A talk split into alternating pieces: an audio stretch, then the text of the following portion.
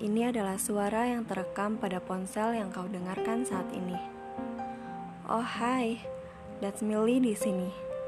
Masih dengan podcast tentang hari ini. Terima kasih ya, kamu sudah meluangkan waktu untuk mendengarkannya. Hujan turun membawa cerita. Cerita lama yang telah usang, yang hadirnya pun tidak diminta. Podcast ini adalah saluran cerita dari semesta yang aku terima. Cerita yang sebenarnya belum usai. Kenalan dulu yuk sama seseorang di balik podcast ini.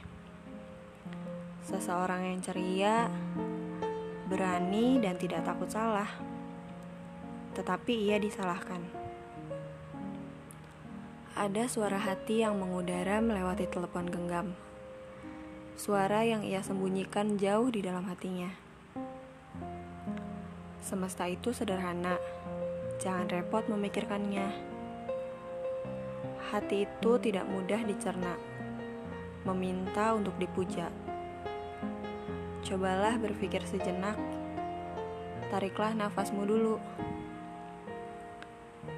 Bayangkan jika seseorang di hadapanmu adalah sosok yang paling pandai merayu. Senang dengan kehadirannya. Lalu lihatlah, siapa yang akan meninggalkan lebih dulu? Bukankah seharusnya tidak ada yang saling meninggalkan jika semesta memiliki rencana? Namun kenyataannya, hari ini aku hanya ingin marah. Marah sampai lelah dan menjadi amarah. Aku gak pernah menyesal pernah mencintai sebegitu dalam. Kamu pernah menjadi salah satu warna di hidupku. Meski itu gelap, meski sekarang sudah tidak terlihat. Dan saat itulah aku menutup cerita saat nafasku sudah tercekat. Aku kembali dengan versi sendiri membayangkan aku tidak perlu menyukai atau bahkan mencintai siapa-siapa saat ini. Aku hanya akan fokus pada diriku sendiri. Tetapi lihatlah, aku menemukan warna lagi. Kamu, iya, halo kamu. Masih ingat saat kita bertemu? Kamu adalah seseorang yang tidak pernah diminta kehadirannya Aku bahkan berniat untuk tetap sendiri. Dan akhirnya, aku memang masih sendiri.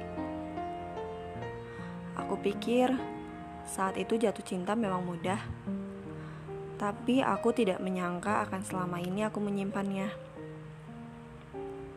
Hari ini aku hampir menyapa kesedihan. Ku sentuh lagi luka lama yang sebelumnya jelas tidak pernah kuinginkan. Tiga tahun membiarkan hatiku tak bertuan, meninggalkan jejak-jejak sepi yang tak pernah kamu sapa, atau sekedar bertanya, "Kamu lagi apa? Udah makan belum?" Atau obrolan-obrolan kecil yang setidaknya membuatku tersenyum. Tapi itu hanya menjadi anganku saja. Sejak aku menyadari siapa pemilik hati ini, tidak banyak yang aku inginkan. Aku hanya ingin dilepaskan, dilepaskan dari rasa bersalah. Tapi kenapa? Setiap kali aku mencoba, justru perasaan itu semakin kuat dan erat. Aku pikir semuanya mudah, bertahan tanpa mau bersuara, membiarkan burung-burung berkicauan menari di atas awan. Mereka bilang aku bodoh. Lalu mereka bertanya, apa yang sebenarnya membuatku bertahan? Kupikir memang hanya ini yang bisa aku lakukan.